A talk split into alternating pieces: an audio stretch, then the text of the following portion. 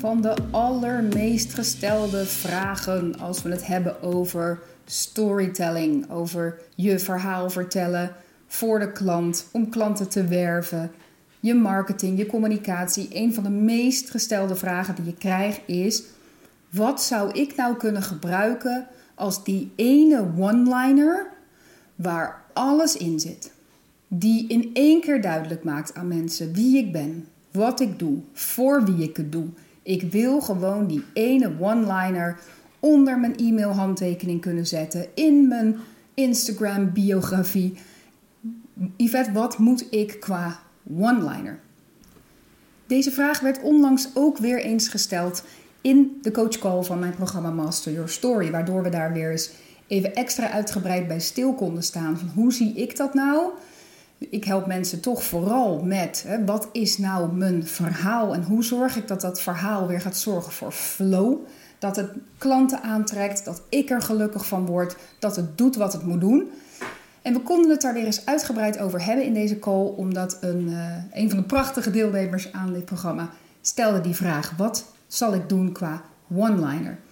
En dat leidde tot een gesprek over hoe zit dat met die one-liner, maar ook hoe zit dat überhaupt dan met de woorden die je kiest voor je verhaal, voor je marketing, voor je communicatie naar buiten toe om mensen aan te trekken. Want dat zit toch vaak net even anders dan dat men denkt. Dus als jij iemand bent die wel eens denkt: Oh, kreeg ik het maar beter onder woorden allemaal? Wat kan ik nu het beste doen? Dan is dit de aflevering voor jou. Ik hoop dat er mooie dingen in zitten voor je. Ik wens je heel veel plezier met luisteren. Daar komt ie. Dat is wel grappig dat jij met deze vraag komt, want ik struggle met die one-liner. Want mijn antwoord is, is vrij vaak: laat lekker zitten, die one-liner. Want je kan je tijd besteden aan het zoeken naar die one-liner. En als je hem dan hebt, als je een beetje op mij lijkt, dan ben je er drie dagen heel blij mee. En daarna kijk je ernaar en denk je: Nou, nou, nou, is dat nou wel helemaal. Is dit het nou? Kan ik niet beter toch dit? Daar gaat zoveel tijd in zitten. Gaat zoveel tijd in zitten.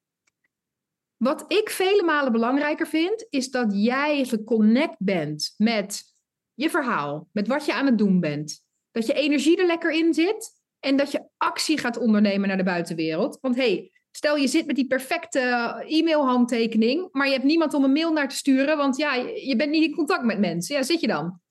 dus ik zou zeggen, laten we de, de, de, energie van daaraan sleutelen steken in iets wat je veel breder kan inzetten dan alleen maar die ene one-liner. Iedereen die hier zit, niemand vliegt tegen het plafond van dat wij het nu zo open hebben over contact met overledene dierbaren. En we ze, maar niet iedereen hier heeft daar ook actief iets mee of werkt daarmee. Maar toch is iedereen die hier instapt ergens op een bepaald level erop voorbereid dat dit soort shit over tafel gaat. Want dat voel je in de energie. Alleen als ik dat communiceer naar buiten, als ik dat dan zou noemen, dan krijg ik een totaal ander publiek dan wanneer ik de dingen noem die ik nu noem. Dus er is een verschil tussen dat wat je expliciet noemt naar buiten toe en dat wat mensen toch wel voelen op energetisch niveau. Ja. Ik speel af en toe een beetje daarmee om gewoon te kijken van wat gebeurt er nou. Dat ik een, een bepaald woord toevoeg aan mijn communicatie. Of een bepaald woord weglaat. Of een, een woord uit een hele andere hoek kies. En dan ga ik kijken wat gebeurt er met de mensen die daarop aanhaken, inschrijven enzovoort. En het grappige is dat een van de dingen, als ik het woord spiritualiteit expliciet noem in mijn communicatie, schrijven alle mensen zich in die ik niet wil hebben. Even heel plat gezegd. Ik wil natuurlijk altijd iedereen helpen, hè, maar jullie snappen wat ik bedoel die passen niet. Die zijn geen match. Nee. Terwijl iedereen hier helemaal ook is met die spiritualiteit. En ook echt wel weet en aanvoelt dat ik ongeveer het meest spirituele wezentje ben op deze aardkloot wat je kunt tegenkomen. Nou, dat zal ongetwijfeld niet waar zijn, maar hè, even om een punt te maken. Maar als ik het woord ga gebruiken in mijn communicatie, gaat het mis in de business. Dat heeft te maken met wat een woord bij mensen aanraakt en wat het Ehm, waar ze die waarde voor zichzelf hebben geplaatst. Dus als ik het woord spiritualiteit in mijn marketing ga noemen, dan trek ik de mensen die spiritualiteit ergens op een soort het allerhoogste niveau hebben geplaatst. Van dat is waar het voor mij allemaal over gaat. Terwijl als je werkelijk gegrond in je verhaal en in je business staat, dan weet je dat spiritualiteit net zo goed een onderdeel is van het geheel. Als dat je gewoon moet komen opdagen, zichtbaar zijn, een websiteje maken, eh, af en toe posten enzovoort. En dat woord trekt de mensen aan. Want hey, ik zeg ook vaak, hè, het internet, het internet bestaat niet. Hè? Wij denken dat het bestaat, maar het bestaat niet. Kijk, jullie zijn niet in mijn kamer. Als ik achter mijn laptop kijk, nee, jullie zijn er niet. Jullie zijn er. Sterker nog, als ik dit dingetje dichtklap, zijn we allemaal weg. Dus het internet bestaat niet. Dat wil zeggen dat alles wat ik typ en dat op het internet verschijnt, wat is dat? Wat is dat? Het is niks. Het is niks. Het is energie omgezet in, in lettertjes en cijfertjes, codes. Dus de woorden die je kies haken bij mensen aan op een bepaald energetisch stuk in zichzelf.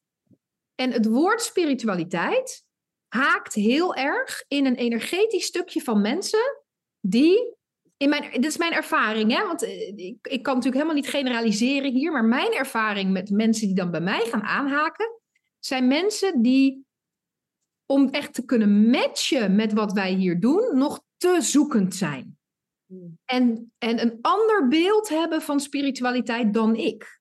Dus daar gaat een, een, een mismatch in. En dat zijn dingen die moet je ook gewoon testen in je bedrijf. Je bedrijf is ook een heleboel testen. En gewoon kijken wat er gebeurt als je dit doet, kijken wat er gebeurt als je dat doet en, en wat is de fijnste optie.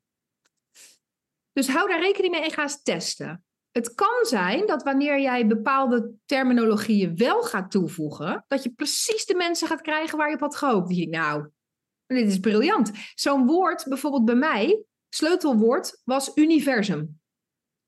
Er is een tijd geweest dat ik dat woord nog niet gebruikte in mijn marketinguitingen rondom mijn bedrijf. Gewoon helemaal niet. Nou, nu als je op mijn website kijkt en op de socials, weet je, leest overal de woorden energie en universum, not a problem. Not a problem. Sterker nog, dat bleek een hele grote bindende factor te zijn tussen mij en mijn klanten. Dat we allemaal iets hebben met energie en het universum. Dus die was, die was raak. Maar spiritualiteit, en ik heb het echt een paar weken geleden weer eens een keer getest, en het blijft stevast het verkeerde ding. Je moet het niet doen. Ik moet het gewoon niet doen. Dus de vraag bij jou is: wat zijn de sleutelwoorden die je kunt gebruiken omdat al jouw klanten merken: oké, daar kan ik op die manier op aanhaken? En wat zijn de woorden waarvan jij weet, ja, die zitten er wel in. En mensen voelen die wel, maar ik ga het niet in mijn marketing toevoegen, want dan gaat er iets scheef. Als jij sowieso raad ik iedereen aan, even procesmatig. Dat woord roep ik ook vaak in coachcalls. Procesmatig, want daar heeft iedereen wat aan. Onderschat niet de waarde van je bestaande klanten. De volgende twee vragen stellen. Hier komt hij aan. Dit is nu al de gouden nugget van vanavond. Ik weet nog niet eens wat er verder komt, maar dit is hem. Misschien niet. Eén. Waarom ben je klant geworden bij mij?